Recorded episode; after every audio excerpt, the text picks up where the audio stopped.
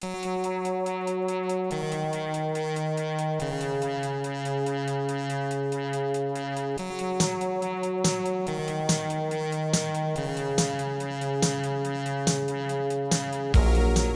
to First Draft with me, Sarah Enni.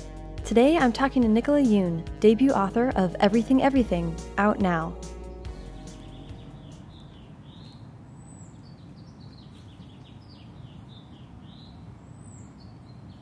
I met Nicola at her lovely home in Los Angeles. When you walk into Nicola's home, you immediately feel like you're part of the family. Her husband, David Yoon, who provided the illustrations in Everything Everything, made coffee and talked to me about leaving the East Coast, a journey all three of us share. Artwork by their daughter Penny decorates the walls, the windows, the fridge. We sat in Nicola's backyard by a fire pit, admiring a gargantuan growth in her backyard that is actually multiple trees wound together. Nicola is soft spoken and sweet, her voice melodic in a way you can trace back to her childhood in Jamaica. I was stunned to learn that she'd spent more than two decades navigating the cutthroat world of finance, and joined her in celebrating the fact that, at long last, she can say goodbye to the trading desk and settle into a gig where her romantic spirit and sensitive heart is known to be an advantage rather than seen as a weakness. She's pretty much the chillest, so sit back and enjoy the conversation.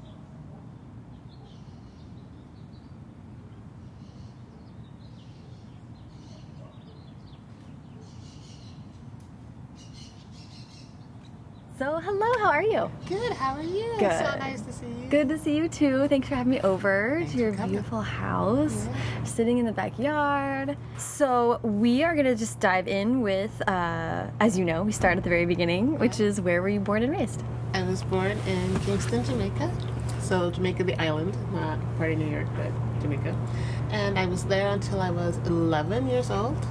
And then we moved to Brooklyn, New York. Uh, so, Brooklyn, New York, you said you were 11. Yes, we were 11 when we moved.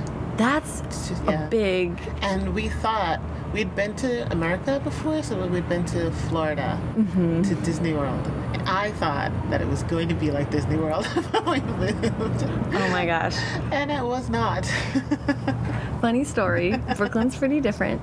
So, different. I have a couple questions. What? So, what was bringing the family? I mean, I'm assuming it was your family. Who were you moving? Right, so it was my dad. So my dad actually had moved two years before we all did. So he moved to America and we were still in Jamaica. And, you know, he wanted to pursue he, a better life. He wanted to pursue acting, music. Uh, so that's why we moved. Wow. And then he was here for a couple years and then we all finally moved as well. Okay. So he was doing well, and he was like, okay. Well, I mean, I think he felt like he was es- not established in like the world, but you know, sort of stable enough to have his family Yeah. here, and you know, it was a long time now. Yeah. Been a couple years. Yeah. So yeah. Well, 11, that's a Yeah. rough time to move. Yeah. And that's a huge move. How did that, um, how did you feel about showing up and going to school and the people in America? I mean, how was that transition for you? You know, it was. I, I joke about it now, but I think it was hard. You know, then like I, I always tell this story about how I spelled favorite in, on the spelling test because Jamaica is under the English system, right? So there is a U in favorite. I had this spelling test and the teacher marked it wrong, and I was so upset. I was, Yeah. I went home and got my dictionary and I brought it the next day. And I was like, there is This is an U. accepting spelling. Yeah. Oh my gosh. And I got my points back, and I was like serious about those points.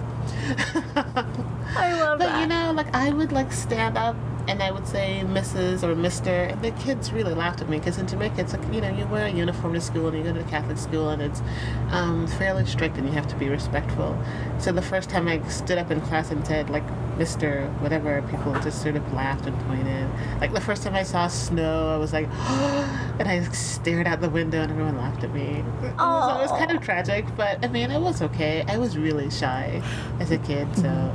Um, it was probably a little painful, but it's fine now. Yeah, yeah, you grew it past Yeah. it. The it's in, it's interesting that age, eleven or twelve. I feel like I, I'm sensing a pattern that a lot of people that write YA or the people that I've spoken to at least have, in particular, moved or had like really big life events happen like pretty much right at that age, and it's kind of um, I don't know if it's you know if something like that is what pulls us back to that age or makes us think about Yeah, I mean, I think if you have like a big moment like that, then you it really sticks in your brain, right? You really remember like the feeling you had.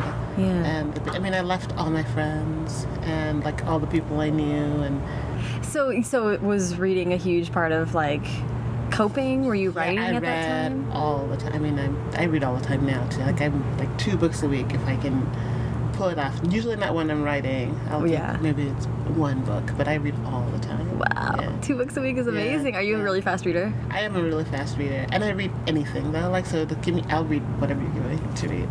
I read a lot of like romance novels. love them. That's I love them awesome. so much. I can't even tell you. I was in a reading slump recently, and I was like, I think I need to to kick out of it. I think Yeah. I need to get some romance novels. Yeah, I feel like reading everything is good for you, and Mm. like it makes you interesting. It makes your writing interesting. You know. Yeah. I think I'm a writer because I'm a reader. I mean, I think I actually love reading more, maybe. Really? I think that's why I write. Yeah. Yeah. That's cool. That's a good way to think about it. Were you so your house was your house filled with books? Was your whole family readers or No, I mean, I was definitely the big reader. Um, I remember my parents got Encyclopedia Britannica. Do you remember these things? Yes. When we like first moved, and I like read through those. What? Oh my And, god, you and, like, literally read the I mean, I seriously would open it and just start and read and read and read. I don't know why, I just read all the time. That is um, cool. But my dad used to write for a newspaper in Jamaica. Um, he like did movie reviews. And I don't know if that was what got me into reading or made me thought it, think it was cool. Yeah. I think partly. Well, I'm I'm interested in the fact that your dad was an actor and that part of moving was sort of him pursuing a passion Yeah. and being a creative person and sort of I mean that's pretty brave to pursue it like that and to Yeah. move a family for it and everything. So, do you think back on that and think that maybe it shaped or shaped you or made you think about creativity and it's a pretty brave thing to Yeah. do to put yourself out there. Yeah, I mean, I do think it's very brave. I, I think the fact that my dad wrote for this newspaper column had a big effect on me. Mhm. It's like something I always thought about over the years. That I remember, I remember him getting into like an argument with someone once, um, because like he'd written a movie review and someone disagreed, and they were it wasn't like a serious argument. They were sort of joking, and I remember thinking, oh, you can write something and people will be affected by it. Yeah. know?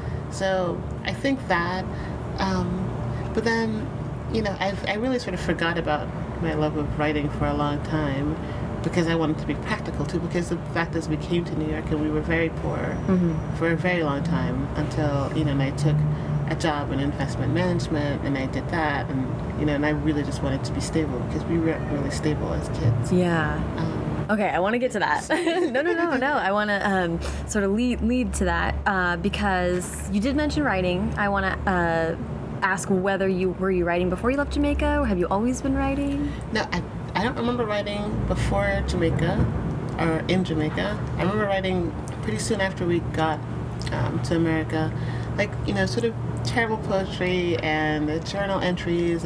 I found my old diary a few years ago, and in it I said, I want to be a writer when I grow up. But then I just, like, got good at math and forgot it, like, strangely. Interesting. But yeah, and I mean, I only came back to writing in my senior year of college. okay, okay. Right, so there was a long period when I like just forgot about it. And So maybe high school, college, you were. right, so in high school, like it turned out I was good at math. Math will lead you astray, kids. oh my god, I love that as the message of this. this is the message of the podcast. Don't trust those numbers. uh, so then I was an electrical engineering major in college because math again. Where'd you um, go to school? Cornell, Cornell. upstate. Cool. Um, so yeah, I majored in electrical engineering, a lot of math, circuitry. You know, it was I mean, that's amazing. That is like cool. That's really cool. You know, and I still do like math. Right? And I did Yeah. for my career for a long time too. So Do you feel like one or the other? Do you think there? It's like left brain, right brain, right? Does does, but do they both come naturally to you? Would you say math came naturally to you, um, or would you say writing came naturally to you, or do you think there's? that's a good question. I mean, I think writing requires more practice and it's more painful. You know, like the days when it's really bad, it's just you know you're like ridiculous, right? You're like, why am I doing this? I hate everything. Seriously, I would like wander out of my office and go to David and like, what? What's the point of this? I was like, what is the point of my life right now? Um, and math came more naturally, I guess. Easy. It was easy in high school, not as easy in college, especially when you get to a place like Cornell when lots of people are good at math. Like I had a roommate who was a genius, and I thought I was good, but he was like ridiculous. I mean, he would do partial differential equations like in his head, like instantly. He was just absurd. Wow. I'm noticing the way you're talking about math is you just happen to be good at it. I feel like there's not maybe love for math. No, I mean, I think I did when I first started in high school. Um, I liked it, and I liked being good at it, right? Um, and then when I got to college, I was it was fine. Electrical engineering was good. It was fine. I wasn't passionate about it. I forgot about being passionate. It was just I was going to be practical, and you could get a job and it'd be stable. So, and then I took uh this elective class my senior year, which was a creative writing class.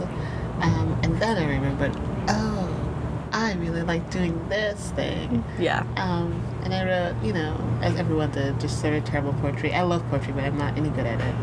And I wrote crap, but I loved writing crap. Yeah, yeah, yeah, yeah. So then after that, I was like, okay, I can't forget about this again.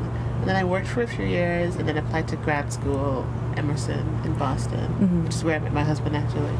And and yeah, then writing's been in my life since then. Yay, that's really cool. Yeah. So you never stopped reading No, no. the whole time. Okay. yeah.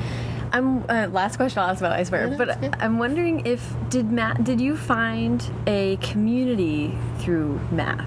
I'm just I'm imagining this that math and your ability to really excel at it showed up at a time when you were sort of trying to find identity. No, I don't. I mean, maybe, but I, I tend to think of it as it was like a really practical way of having a stable future, right? I mean, you can major in engineering and you can get a job, right? Yeah, Programming yeah. or whatever. Um, and I just didn't really think about things. I was like, I wanted to go to Cornell. I was determined. Like, Really? You know, I was like, I loved it. I thought it was so beautiful. I got into Cooper Union, which was free, and I was like, I should go here, but I'm going to Cornell. That's and so, like. I had um, scholarships, and then I had some student loans, um, and I went there. I made a lot of. All my friends are like college friends. Really? Yeah, so not, not so much high school, but from college. So I had a really good community of friends. Interestingly, none in electrical engineering, all like English types. So Really? something should have told me. um, English types and actors, and one venture capitalist in there. We'll Ah. forgive him. Yeah, Um, you gotta have a mix. you gotta have a blend. Yeah. Um, that is so interesting. I love that, and I love that you finally that the last sort of hurrah of college, you just happened to take this class. that- Right, I know that class saved me, and it's funny because I wrote a terrible play. I still have it somewhere, uh, but Oh it gosh. was like so filled with angst, and there was like the smoking girl, and she was like, you know, she was tired of life, and and but you know, it had good dialogue. Good, I love and I that. my, my professor said to me, she's, she, think I got an A, and she's like, you know, this is very good. But she, she looked at me at one point, she goes, you know, this does change. And I was like, what changes? She's like, you won't always feel like this. And I just remember, I mean, she was great. She was like so insightful. And you know, at that time, everything's autobiographical in a way, right? Mm-hmm. And I don't, I don't know, that always stayed with me. She's like, things change. It's going to be okay. Aw. And, but, and she told me, you should do this. So, Wow, Yeah. wow, that's really cool. yeah. She was great, but I just remember, I loved my angst. I still love angst. Oh well, yeah. I mean, of course, we're writing what we're writing Yeah, because there's a big pull for that. Um, that's really insightful of her, though. Wow. Yeah. So it doesn't sound like you started with writing about young people or for young people. No, I didn't. Um, I wrote, before Everything, Everything, I wrote another book, which is an adult book, which is just epic, and one day I will finish it. Ooh. but it's not now. I don't know. I'm not ready for it. Um, but before that, I wrote lots of short stories, lots of plays. I was really into plays. I'm still into plays. Um, and lots of short, short fiction, flash fiction, I think people call it sometimes too. Like I wrote a thing for Roxanne Gay's site, um, The Butter. Butter. Yeah. And it's just one sentence, but it's a long sentence, but one sentence. But I love that stuff. Cool. The okay, so I want to ask about what, or I, I think it's very telling that you can look back now and see that you know you were struggling, and so you latched on to this really solid career and then re- realize that you were had this passion. So then, but then you continue to move on and and work as. I mean, how did you get to the financial an- analysis? All this. Senior year of college, they had like lots of recruiters come. You know, like they do this at Yeah. like, lots of colleges, right? Um, and I met my future boss there at one of these recruiting sessions, um, and it was for a company that creates software for traders and portfolio managers. And so I started working there. I was person number eight. Um, I did tech support, so that essentially means that I got yelled at by traders and portfolio managers all day, every day for a really long time. it was just awful, but the people that I worked with were wonderful. Like our team was really, really great. There was eight of us. We like worked just constantly, and I learned all about Wall Street and equity trading, and I learned all about programming. Wow. So I was a database programmer. Wow. So I stayed there for nine years until we actually moved, until I met David and we got married and we moved here. But I was there at this company for a really long time. That is an extraordinarily long time. Yeah. And that was your first job out of college. It was, and I thought all jobs were going to be like this, and it wasn't. Because like after that was the best job I've ever had. It was a great job. yeah. Um, I learned a ton, and the people were and we're all young together, so we would all just have a good time. Yeah. And we worked all the time together, so played a lot of foosball. Played a lot of foosball. Was That- good. I love that. Um, okay, well, we need to find some place to play foosball. Um, and that was in New York, obviously, yeah. This was in Boston. Oh, it was in Boston. Yeah, oh, okay, yeah. okay. And that's where you went to grad. What was your degree, your grad degree? Oh, creative writing.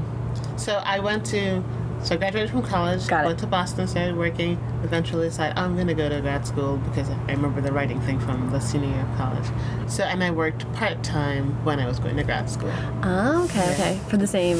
for the same company. Yeah. Gotcha, gotcha. What, what, um, after working and supporting yourself, what was the impetus to say, okay, I really want to focus on the writing now?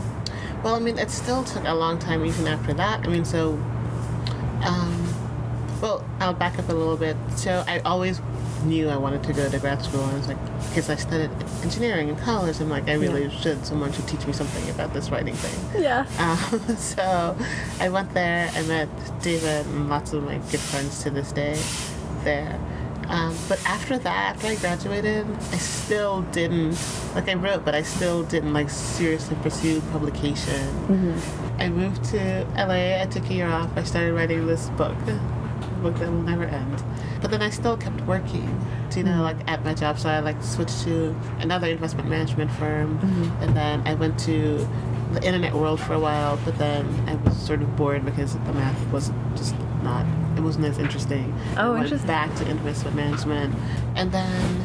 And I was writing on and off, but I wasn't like super serious. I just didn't feel like it was something that was going to be able to be stable.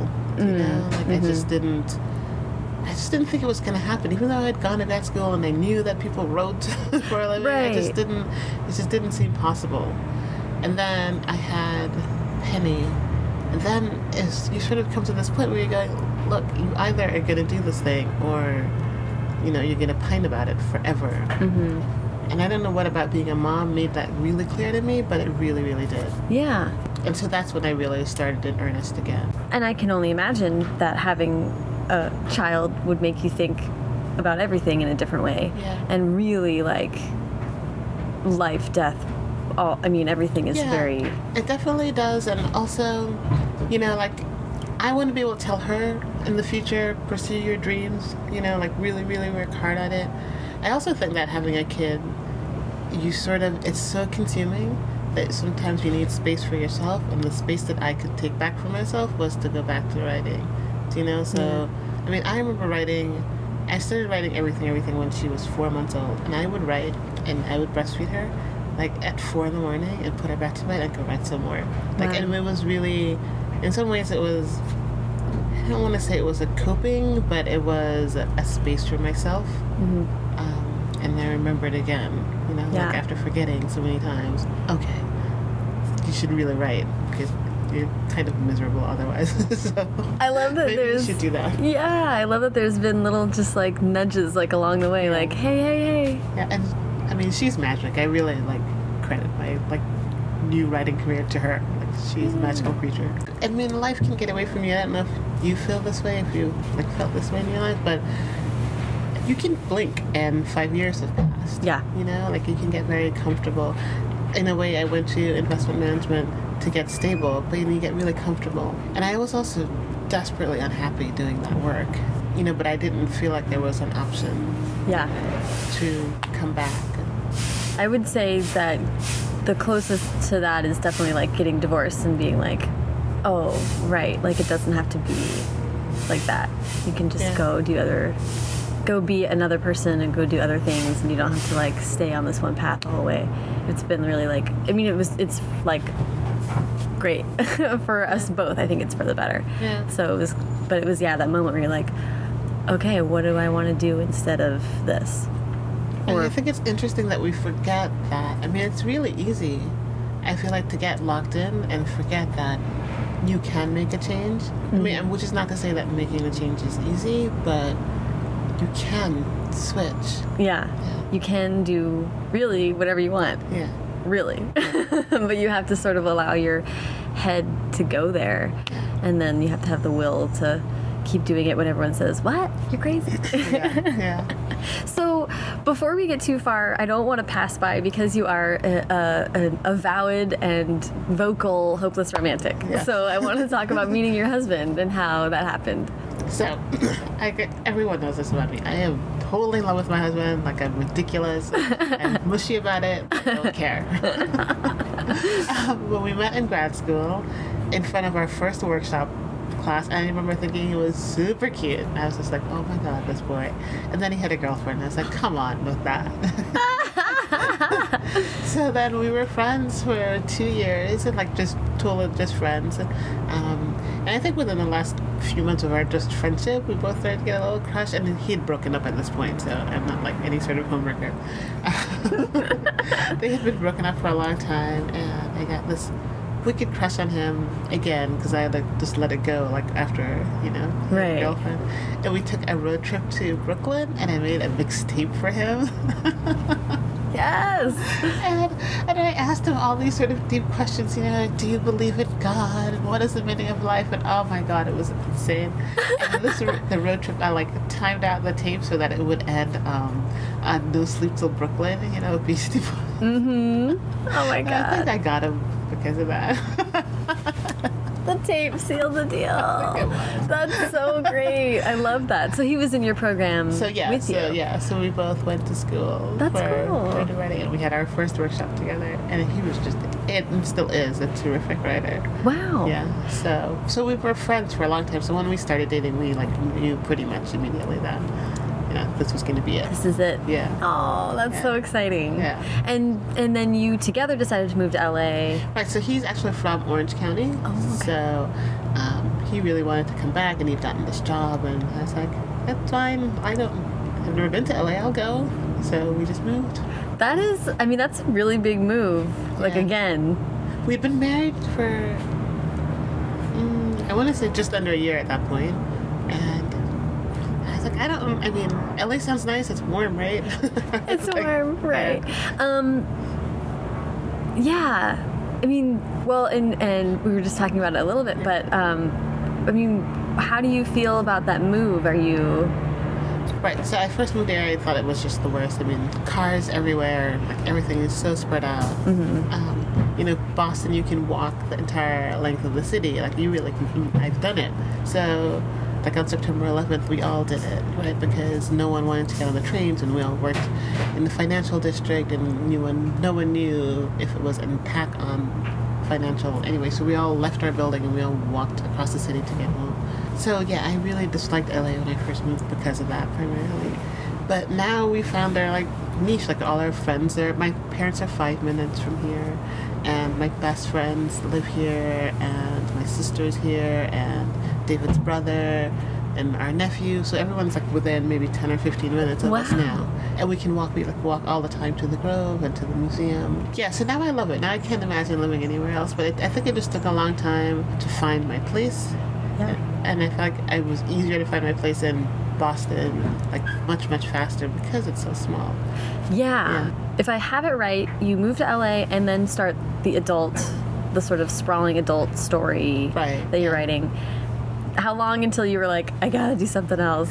Uh, well, I, so I took a year. I like I saved this money, so I took a year off. I'm gonna write this book, and I mean, I got through a lot of it. It's just not quite working yet, and I, I may go back to it in like five years. You know, Yeah. one of those things that's just going to take as long as it takes, Mm-hmm. and when the timing's right.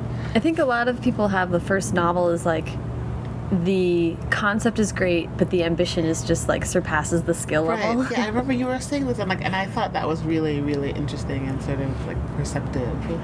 Hopefully, it's. I'm saying that just because the one, first one I wrote, I'm like, man, that idea is still great, and like one day I'll be good enough that I can write this story, but it's not now. yeah, like it's like it's too big.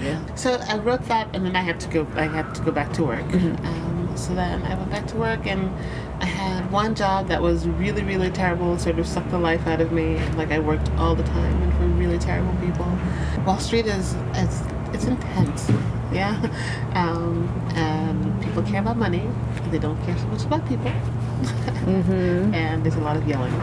So I had one job that I lasted a year at, and it was it was pretty dreadful. So, and I didn't write for a long time during that period. I only wrote really, really short things. yeah. Um, The yelling, it makes me like sad to even think of, um, think about that. I can not imagine someone yelling at you. It's terrible. terrible. I mean, and everyone like is okay with it because these are the money guys. Like the money guys get to get away with anything, and then there was me.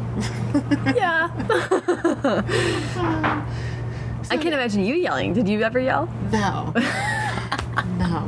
But I was also like, you can't, I mean, I was also the person to go, you can't yell at me. You know?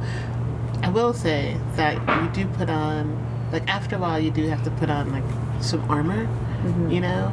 Um, so I wouldn't say that I was not the nicest person, but I was definitely defensive. Like, I'd be wary of anyone who came to talk or because you just never knew like what was gonna that what was gonna happen um, in general. So that, I mean that one job was really dreadful. Yeah, and not a good yeah for your creative soul. Right, not good for your not good for your soul in any way. Yeah. You know, I mean there's only like money is king and that is all anyone cares about and is Yeah. yeah. Ugh. I like quit my job May twenty second of this year and it's been glorious. Wait, that was the job that you had until just now. No, no. So I had another job Oh, after that. okay. Um, but it was still in investment management. Wow. Um, it was still fairly intense. that is a euphemism. But I, I had a great boss and great team, but portfolio managers and traders are difficult people to work for. Yeah. Um, so yeah, Good for you. yes. Congratulations. Thank you. that is so nice. you. Do you feel like you've recovered yet? Of like, like I the fog know is like? I was so on deadline for book two, so like I basically quit and just like wrote my butt off. traded working all the time for working all the time. yeah, so, um, so I've been writing. I mean, I really just turned it in. So like this week is my first like. Hello world. I've been watching. So like, I don't watch TV, but I watch a lot of television. and I've gone back to playing video games. Yo, Uh, yeah. I just started playing this thing called Life is Strange. Uh, I love this game. what is it? I, you know, it's just weird, like sort of. Um, it's not not first person shooter. What is it called? Adventure or role playing game. Oh yeah. Yeah. Those are my faves. Yeah. So if you were Final Fantasy, Mm-hmm, yeah. So it's the same company, Square Ah. Enix or whatever, you, however you say it. Um, and so yeah, I love this game, and I've been playing that That's cool. in between being a mom. yeah. Of course. Of course. Yeah. Um, the transition to everything, everything. Oh, you were right. at this terrible So- job. Right. So then I started writing again, but like I said, really short things. But the real key was having Penny. That is when I started writing that book. Yeah. So she's three and a half. So I started writing it when she was four months old. Wow. What what uh, was the idea there before? What? No, it was. I was such a nervous mom. You know, like you have, they're so fragile, and and I just remember not wanting her to get a cold, or, anything to happen, eating dirt, Yeah. anything. Um, so that was sort of the genesis of the idea, just that, that idea of protection, and like Yeah. my wanting to protect her, Yeah. and then what if someone always needed protecting? So that Mm-hmm. was sort of the genesis of it. Did you always know it was going to be a love story? No, no, definitely not. I always knew what the ending would be, like not to give it away here, Mm-hmm. but I always knew that. Okay. But I didn't know, and I didn't know like the extra elements, like the art and all that stuff. I didn't know that that happened one morning at 4 a.m. Yeah, no, go for that because I want to. I want to hear about that story because there's wonderful, wonderful art throughout the book, and it's it's so good and cute. oh well, thanks. So David did my husband, right? David did all the art, and that started. I was writing, writing, and I was trying to get into Maddie's head, and I thought if you're stuck in your house your whole life, then you're gonna want to try to get as close to the world as possible. And you know, in the book, she is obsessed with Hawaii, and I love Hawaii. Um, and I'm like in love with this fish, the humu humu nuku nuku apua'a, which is the Hawaiian state fish. I'm so glad you said it. I wasn't gonna try. I've taught Penny how to say it, so she can totally say it. That's cool. Oh my gosh. so anyway, so I was like writing in my notebook, and I drew the fish, and I'm crap. I can't draw at all. But I was like, huh, I like that. And I think it was about 4:30, and I like seriously went from my office to the bedroom, and I woke David up. I was like, sweetie, will you draw me a fish? And like I tell this story a lot, but he got up. He didn't. He like gave me a kiss. He made some coffee. He drew the fish. He didn't question me. He didn't, he's like, fine, you want a fish? I'll get you a fish. Amazing. and so that fish is still the fish that's in the book.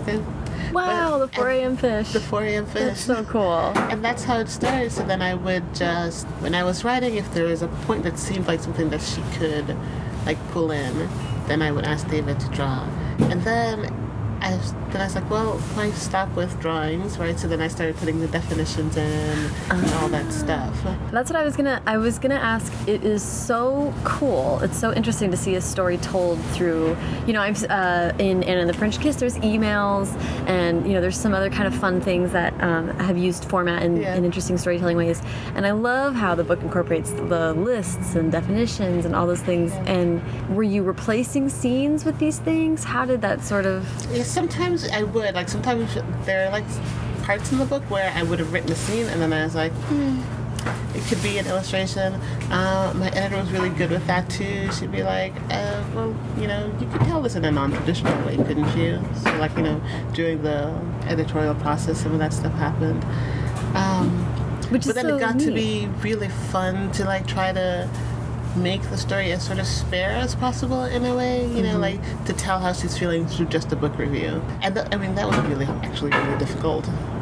Like some of those were really, really difficult to like, Really? to think of. Or, Oh, okay, yeah, just yeah. to to try to get down to the essence of something, Mm-hmm. um, but really fun too. Yeah. Yeah. There was one where it was just a series of draft emails Yeah. and just the subject lines. And it was just like, I mean, I think really a cool way to think about storytelling. It's sort of this succinct and all, and so visual. It's almost like I've been talking to a lot of people um, about screenplays, and because I'm going to try my hand at one just to see how it, it feels and just a lot of discussion about what uh, d- advantages to telling stories in these other ways visual ways and, and other cues um, and i thought that was so effective and so just really like kind of tugged at screenplay the writers are amazing, so that's that's awesome that you're going to do that. i think playwriters are amazing that's a whole different like Yeah. for the play and for the screen it's so interesting all the differences someone yesterday was like well it's just another format and i was like mm. it's so much more so much than more. that so I would be terrible at a screenplay. Terrible. it's hard yeah. So, I, I love that, and I love that your editor was really open to like trying. Yeah. Yeah, and she really because I think at the beginning I was like a little hesitant, especially when I first sent her that first with the fish, and I think I maybe had a definition or a review or two in there, and and she loved it, and she's like, and then she encouraged me to like go for it, to like really push yourself. So sometimes, I mean, maybe between revision three or four, most of the notes were, you can push this more. Mm-hmm. So yeah, I mean, she was really enthusiastic, you know, and I think I was like feeling, I'm not sure, is this even allowed? Like, you know, like I, I sort of was holding back more. Mm-hmm. And she's like, just go for it. Go, Yeah. go. yeah. And was there? Did they immediately say yes? We want David to be the one that that provides all the illustrations, or was that? You know, it's funny because people ask me this a lot now. Like, and it never occurred to me that it hadn't occurred to me for a while that they would say someone else has to do it. I'm like, That's well, hilarious. He's drawing them. He can draw. He's really terrific. Yeah. And we work so well together, right? Because like. If you see the versions of the illustrations that I do, than the ones that you do, you'd be like, That'd be that'd be a great blog post. Like, I think I should do one of those. Like there is one that I love in there where it's Maddie sort of floating over the earth. Um, and I drew a stick figure and a circle. Go talk to her. I go, my idea is that you know she's like looking back at the world, uh, and she's an astronaut or something. And then he makes this beautiful picture, and you're like, yeah, that's what I meant. And so now it really helps that you know we're in love with each other, and he knows me. He like Yeah. he can take my stick figure and make it into. He's like, this is what you're really thinking about. I go, yeah. How did you know that? That's so cool. Yeah. Oh, I love that. And and really a neat way to have a collaborative aspect to a process that's usually really solitary. Like writing a book can be very lonely. Yeah, and it was great. And, and I think we're going to do a project together um, at some point because it's, it's a lot. I get a lot of questions about whether or not it was hard, if we would argue. Totally did not. How did when you had the idea, you're writing, uh, you start writing the story, sto- Maddie's story. How did uh, you then go about looking at publication seriously, reaching out, like all, all of that? So I have a friend, um, Wendy Wunder. Um, if you know her, she Wendy wrote the Wonder. probability of miracles, Um, which is I don't know that I've ever like. That's a great name. Anyway, she's fantastic. She's a young adult author. She wrote The Probability of Miracles and The Museum of Intangible Things, and they're brilliant. Um, and she works with Alloy. She, they're her agent. And She, she introduced me to my agent now. I sort of auditioned. I sent like a short story to Joelle. Um, she loved, loved it. And then we sold everything, everything on partial manuscript. Cool. Yeah. Cool, cool. So that's how the editor Yeah. came to be involved in that Yeah. uh, relatively early in your writing process. So I mean, at that point, at that point, I'd been writing for a long, like writing the book for about a year already. Mm-hmm. And at that point, all the other elements, you know, I had it, the idea for the fish already and for the reviews and all that stuff. So Mm-hmm. she, she saw all that in the first like, I want to say it was seventy or seventy-five pages that yeah. I sent. That's cool. That's fun. And were so you knew Wendy. Had you already sort of been in the writing community or online talking to people, or No, I mean Wendy Wunder and I went to grad school together, and Oh, her husband is a writer too. We all, all four of us went to grad school together. So she was the only writer that I knew. So, like, when I sold the book, I was like, I need to meet some other people because all the people I know are in investment management. I cannot deal. everyone else I know is yelling at me. I need some friends. So I and I'm really shy. So the fact that I put myself out there at all, I still sort of shocks me. But like Charlotte Huang, she wrote For the Record, which is coming out soon. She basically took me under her wing. She like invited me out to a dinner with like the Fearless 15ers, and I joined that debut group. And then I went to SCBWI, and she like let me follow her around to all the like sessions. She was so nice to me. Aw, and that's I, the And I was so nervous, and that's how I got in the community. That's cool. And now I'm like, I can't even remember not being like so many cool people. Yeah. Charlotte, I love, and I love Carrie Clutter, and yeah. Yeah. There's so many Uh, just like And gems. then we have Brandy, and I mean, there's so many people. It's really Yeah. amazing. Yeah. How has finding other writers? I mean, you did go to to grad program, and obviously you are surrounded by writers, and even in your own home. Yeah. But how has finding that external community fed your creativity or your? I think the thing it's done is maybe not so much like the day to day of writing, or or maybe the day to day of writing. It's like it's a thing that people do. So it's like in a really practical way. People do this. It's a job. And you get up and you have to you have to write. Otherwise, no one's going to publish it. Right, right. Um, so. I think it makes me see that it's possible to do it. Mm-hmm. Um, whereas for a long time, like I said before, like I didn't really think that you were, I was going to make a living. You know? Yeah, or yeah. it was That possible to make a living doing it. kind of created that bridge between like you've been practical for so long, Yeah. making the creative life seem like it can also be practical. Right. And That's yeah, cool. I'm really risk averse. I mean, just because of my childhood too, and you know, my child needs to go to college. Right. point, Right, right. So like, I mean, just you know, money, right? Yeah. People need to eat. Right, right, right. So- Realistic Yeah. life expectations. Yeah. Um, yeah, that's. Um, but I love that about the community. It is fun to go online and see people saying like, "This is a rough writing day, but I'm doing it anyway." Yeah. uh, you mentioned it a little bit, but I did want to ask about. We won't spoil anything. Yeah. But when you're writing a book that has a twist, Mm-hmm. how do you go about talking about that? You like ask people not to spoil it? Like, how do you sort of handle that with care, knowing that you still want readers to be surprised when they pick up? Right. I, I haven't asked anyone at this point because I feel like it's so so clear. I feel like Hopefully. everyone, everyone knows you should not spoil it, right? So I haven't um, asked, but I will say that people have been great. Like no one has that I've seen Good. spoiled it or said anything. But I will say, like to me, the story isn't so much about that. I mean, Mm-hmm. and some people feel like it's a big twist but I don't. It was always like it was always going to be that way. It was such a. Mm-hmm. It was always so obvious to me. So like I don't actually see it as a. It doesn't strike you that way, yeah. it doesn't strike me that Yeah. way. Uh, you mentioned in uh, in your day job building a little bit of armor to go in and do your job with difficult Yeah. circumstances.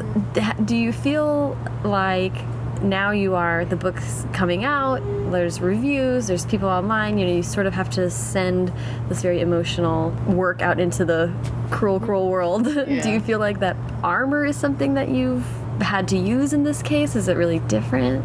That's a good question. Well, I, I think it's different because I care so much about this, right? Mm-hmm. So when someone doesn't like it, it hurts more. I would say. Mm-hmm. Um, but I don't want. One of the things I was afraid of with my job was that after a while, you become the armor, or the armor becomes you, right? I mean, after a while, it gets fused, and I hated that. I mean, I really hated, you know, and I would go in and I would be just sort of wary of what is my email going to say today, and will there be something in all caps, in bold, in red? People use words like unacceptable, ah, Oh my gosh. and you know, or someone will pick up the phone and they'll just be yelling for five minutes, and then you'll just put the phone back down. So. Oh my goodness. So, I mean, I was very wary of becoming that person who you could never get to, right? Yeah. Because then you can't, I mean, I would find it impossible to write that way. Yeah. Um, but I do think I'm going to have to need, like, some sort of armor for for dealing with reviews and that sort of thing because some people are really good at it, like getting a negative review and having it wash off them, and maybe I will be there one day, but um, it still like doesn't feel great. Yeah. It still hurts, and I don't. I did get on Goodreads at the very beginning, and I read something, and it was awful. This person hated the book, hated it like passion intensity. and then I told David, and David's this very mellow, sweet boy, and he sat me down, and he was very stern. He's like, "You will lose your mojo if you read these things. Like, mm-hmm. it will suck it away. Yeah. You can't, you can't do it." And I haven't done it since. That's Because amazing. He's right because it, for, that is my way of dealing is to not, to not deal with it. Yeah. Not invited in. Yeah. Yeah. I was listening. I think I was listening to your podcast. It was a Veronica Roth, and she was great. She's like, a bad review is not actually life threatening. Yes. I loved that. I loved her. I was just like, you are a rock star. Well, after she had to sit with her therapist and read them out Right, loud, yeah. right? That exposure therapy, I was like, what a unique torture device. Yeah. like, make someone do that. That's true. It's true. Yeah. She, yeah, she was great, and she's right. It's not actually life threatening, but it still doesn't feel great. Yeah. And I think I'm along. Like in the beginning, it was would hurt. Now, like someone will tweet or a three star review at me, and and I'll be like, and they'll say what they thought was wrong. I'm like, okay, okay. All right, fine. but it doesn't hurt as much anymore. So I'm, I'm still I'm past at the beginning. But Yeah. Um, I can imagine that maybe what helped to this point is that you were working so hard on the second book. Yes, that saved me. Like, because it's like having your life, like I am shy and not a public person. And now I have to be a public person and not be so shy because I really wanted to meet a bunch of writers too. Yeah. Right? And become a part of the community. Yeah. So like I had to just make myself go out there. Part of what saved me though is like being writing the second book. Mm-hmm. Like there's, it gets so noisy with publication coming up. There's so many people saying things to you and asking things and whatever. It's nice to have that, you know, four to six a.m. period of writing um, where it's quiet. You know? I love that you Yeah. do write at the quietest time of day. it's like literally you could walk out in the middle of the street and write, Yeah. like, not be Well, bothered. Before it was just practical because that was the only time because I was working Wall Street hours anyway, so I had to write. That was the only time it was going to happen. And when I quit my job, I was like, oh, I can write normal hours, whatever, and it just wasn't the same. Yeah. Like especially since we're so close to publication now, like so many things happen. Like New York's awake, and you know Twitter's awake. yes, you gotta get there before Twitter wakes up. yeah. Yeah. So now I've got back to four to six again.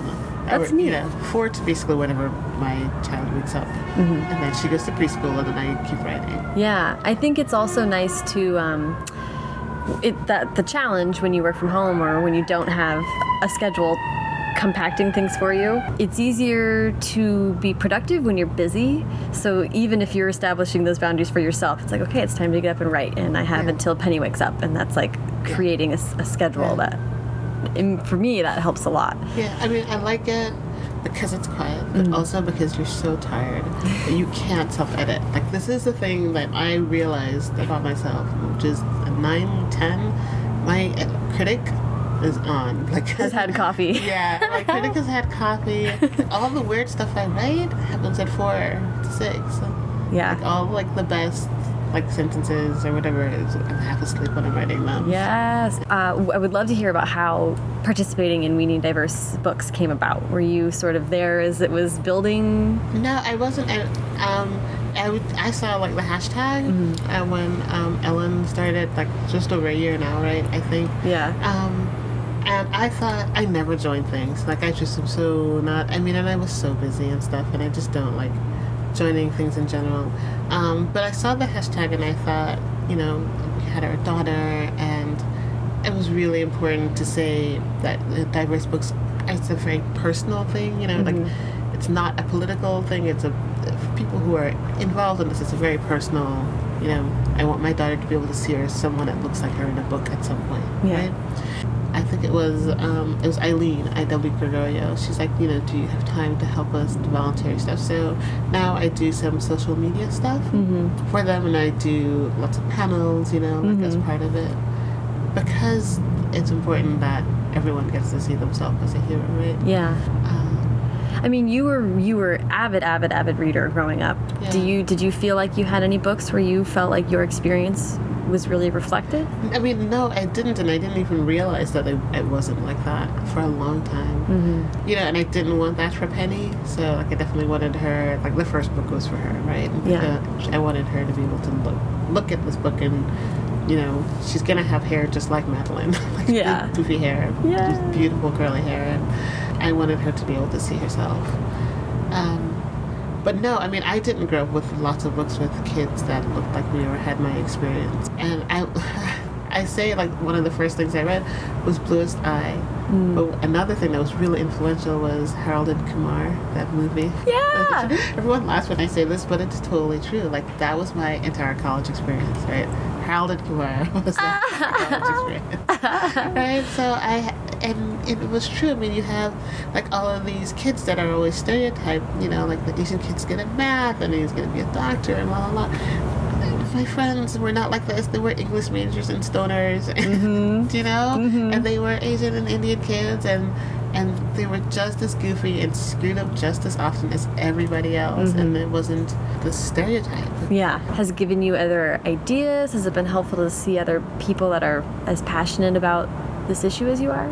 Um, yeah, I mean, I think so. I think that it's changed the conversation. I think it makes people think about things and think about the way they're representing other people. And I feel like just having the conversation is a big, important step. Yeah. You know? Yeah. Um, Do you, yeah, you feel like you've seen like a real shift. yeah, I mean, just even in my conversations with people, and I think that's great. Yeah. I think that the whole goal of an organization, like we need diverse books, is to like write itself out of existence. Do you know? And that that would be the dream, right? Yeah. The dream would be that we don't have to talk about this anymore because it's a non-issue. Mm-hmm. mm-hmm. That'd be awesome. Yeah. Um, so I got a little tour of your office Yeah. and I saw many, many notebooks Yes. because you somewhat famously write your books entirely by hand. Yes. The- For the first draft, at least. Yes, for the first draft, I write by hand into these Moleskine notebooks. Um, I cannot help it. So it's not like some like secret sauce or anything. I just don't know how else to do it. And I've tried typing first, and it just doesn't work for me. My brain doesn't. I, I, I think what it is. This is what I've decided is that it feels more permanent when I type it into the computer. Whereas if I'm writing it by hand, it's freer. Like I can just cross it out. There's nothing set in stone. You know, I just feel freer.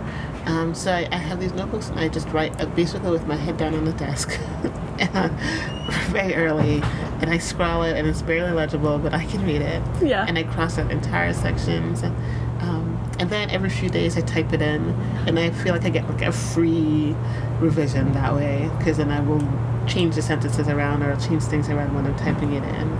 Yeah. So like by the time I actually have a draft that's printed, it's actually been through like a small revision Yeah. already. I mean, I would be nervous, and this is like such a sign of the times. I'm like, I would be nervous that this physical thing would like get lost, or Right. you'd spill coffee on it, or like something terrible would happen. So I'm like, it's not real until it's on the computer, which is the most insane. Like, Right, because you can lose that too. But my agent's the same way. She's like, she's like, where's your notebook? Are you sure? You know, make sure you put it in. I'm like, like, she's like, I'm sending you a fireproof safe. no, she's like, make sure you put it in that safe. Oh my god, what if there's a fire? She's hilarious. um, and I was like, everything's fine. I've tried. Like, I really have tried. And, you know, two books have been, three books really have been written this way. We'll see if the process works for the next one, right? Yeah, yeah. I can't see it changing though. Yeah. Like, I'm very stuck in my ways. And you know, if it works, it works. Yeah. Um, the I actually just did uh, this where I had a full draft, and I was like, you know what, it just needs something, and so I printed it all out and then re opened a new Word document Yeah. and retyped it from the printed out thing. how did that go? I mean, it was. It took a long time, Yeah. but it was amazing. The, exactly what you're saying when Yeah. you when you are retyping it, you edit every Yeah. word, every sentence. And I found I think it was stronger on a sentence to sentence level Yes. hugely. Yeah. Um, so it was really, it was awesome. Yeah. But yeah, man, that It is takes a forever. arduous. Yeah. yeah, David doesn't understand. He's like, he's like, you're taking like this forever. Like, I know, but that's how it is. Yeah. How it is, and time time is uh, important in this process. So you like on your website offhand, you're like you mentioned that you would keep the empty pens. Yes, I have them all. What? I want to know why. What is don't this? know. I don't know. I feel like you have to make some kind of art installation out of them or something. know. I have so many of them, and I only use the same pen. I'm, I don't know. I'm like sentimental. I like ritual. I like marking things. You know, like, like it's very important for me to like take notice. Like when I finished the draft of the second book, like it didn't feel real until David and I went out to dinner to celebrate. You know, it's like I'm mm-hmm. definitely I mm-hmm. keep things. I mean, I'm not like a pack rat or anything, but I love that. I like to. It's it's like a sign of progress or something. I like to Oh. look back and go, oh, okay, I really did do that thing. Yeah, all that ink was spilled. Yeah, right. In the making of this. Yeah, that's that you may or may not like. I would love to talk about place and setting. Um, you've lived in a really like diverse group Yeah. of places. I want to start with a basic question, which is, what do you miss about, or if anything, about Jamaica? um, I mean, I think I miss. So I miss two things. I miss the ocean. Like I, I miss um, the Caribbean Sea because I was gonna it's say, different. yeah. Um, you know, That is it's a- very that's an ocean to calm miss. and it's warm, and you can walk out forever. It's Beautiful. It's so beautiful. So I miss that because we spent a lot of time on the beach. Mm-hmm. Um, and then I sort of, and I don't know if I've idealized it because I was so young when we moved here, but I do miss the sense that I could just be anything I wanted, or I had no idea that there were expectations of being a certain way when I was there. And then here, I still feel it, even though I still don't care in a way. Like I'm just I'm just gonna do what I want to do anyway. Um, but I definitely feel it in, in a way I didn't. But I'm also so much older now, so who knows what part of that is attributable to my age. Mm-hmm. But you know, in Jamaica, being brown, being black was the least interesting thing about me. You know? Yeah. And it's to me it still is, right? I mean, or maybe not least interesting, but it's just another thing. But here, there's so many things that get put on top of that. It's tiring. Yeah. it's tiresome. Um, like I said, I just I just read a lot, and um, I was so clueless. I think my cluelessness helped me um, because then I wouldn't notice. And now I'm not as clueless, but I don't care.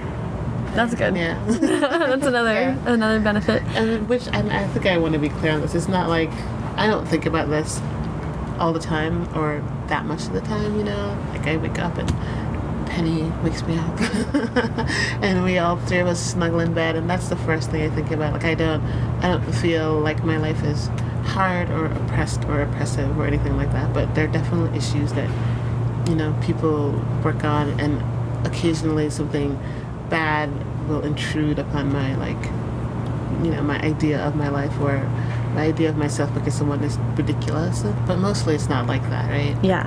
mostly i'm happy. Yeah. mostly i'm in love with my husband and my kid. And most people are fantastic hmm right? But there's this whole other thing that sometimes comes up and it just needs fixing in the world it just does Yeah. Yeah. That's huge and Yeah. really well said, I think. yeah. Like, yeah. Just it's the fight to just be allowed to be human all the time. yeah East Coast, West Coast. I'm curious about what you we were just talking a little bit Yeah, about it. And yeah. and you love LA and you want to be here, but what do you miss about the East Coast? I miss the city, like size. It's like smaller and more manageable in Boston. Um, I miss that. I don't know if I miss anything else really. like the weather's terrible. Yeah, pretty bad. in Boston. uh, Well, how- last winter too, we were like sitting Oh, there it was watching. terrible. Huh. Like I feel like I feel like that could have convinced like the, my last remaining friends to come here because I really really want them to. Yes. They're still East Coasters. Um, you know, setting is not that important in for me when I'm writing. So much of what happens is between the characters. So like, I will write pages and pages of dialogue and then have to go back in and put in like the gestures and put in where they are and stuff because it really is just them talking to each other Mm-hmm. um, and trying to like communicate. The problem of actually saying what you mean to another human being is the thing that I think I find most interesting in writing and in people, like because you can't ever get it right, but you try and you try and you try. Yeah. Um, so that is Yeah. what I like. I'm always about when I'm writing things, and then setting comes in after, and then if it comes in, it has to be for a really specific reason that's to do with them, Mm-hmm. not so much because they're here in a place or whatever. Yeah.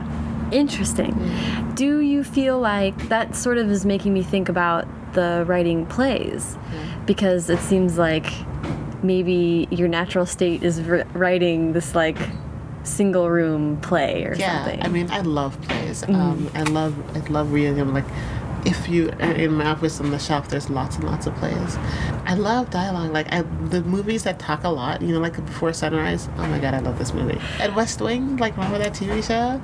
Like, they just talk a lot, and it's like I'm in heaven when people are just talking to each other. Mm-hmm. Um, so yeah, I mean, I think the play thing is a part of it. I could write, you know, the, their I ams and everything, everything. That was the most fun to write because I didn't have to talk about their gestures or whatever. They just had to talk to each other, right? ah, yes. I mean, like I say, the problem of people tr- really trying to get at what they they really mean is like really interesting to me. yeah. And how people talk at cross purposes all the time. So I love that stuff. Yeah. So, yeah, I mean, with playwriting, I could write, I think in monologue, so I could, seriously, I could write 30 pages of just monologue. That's so great. Oh my gosh. What what would you give as advice to people who are starting out writing?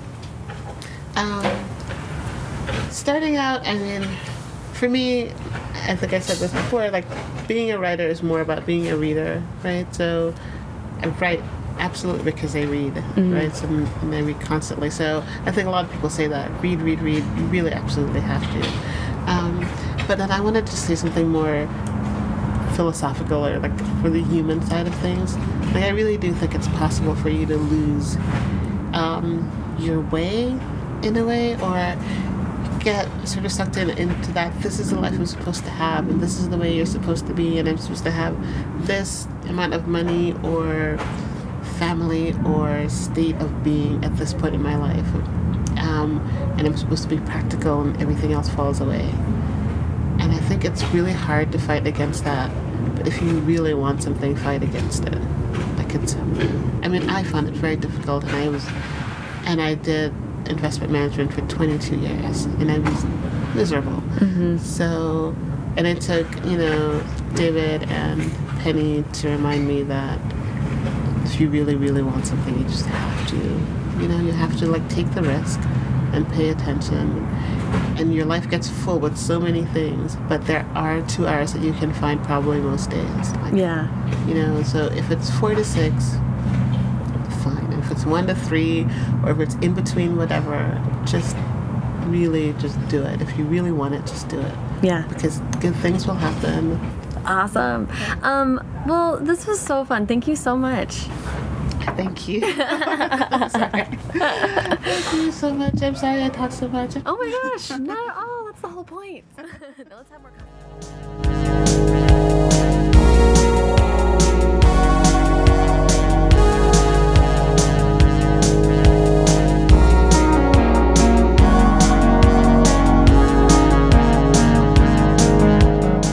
Thank you so much to Nicola. Follow her on Twitter at Nicola Yoon and follow the show at First Draft Pod and me at Sarah Enni. You can follow the show on Instagram for cat pics and Facebook. But for quotes and book recommendations and other fun stuff, check out firstdraftpod.com. If you liked what you heard, subscribe to the podcast on iTunes and consider leaving a rating or review. For every star you leave, Donald Trump loses another strand of hair. Thanks to Hash Brown for the theme song, and to Colin Keith for the logo. And as always, thank you, Die Hard Romantics, for listening.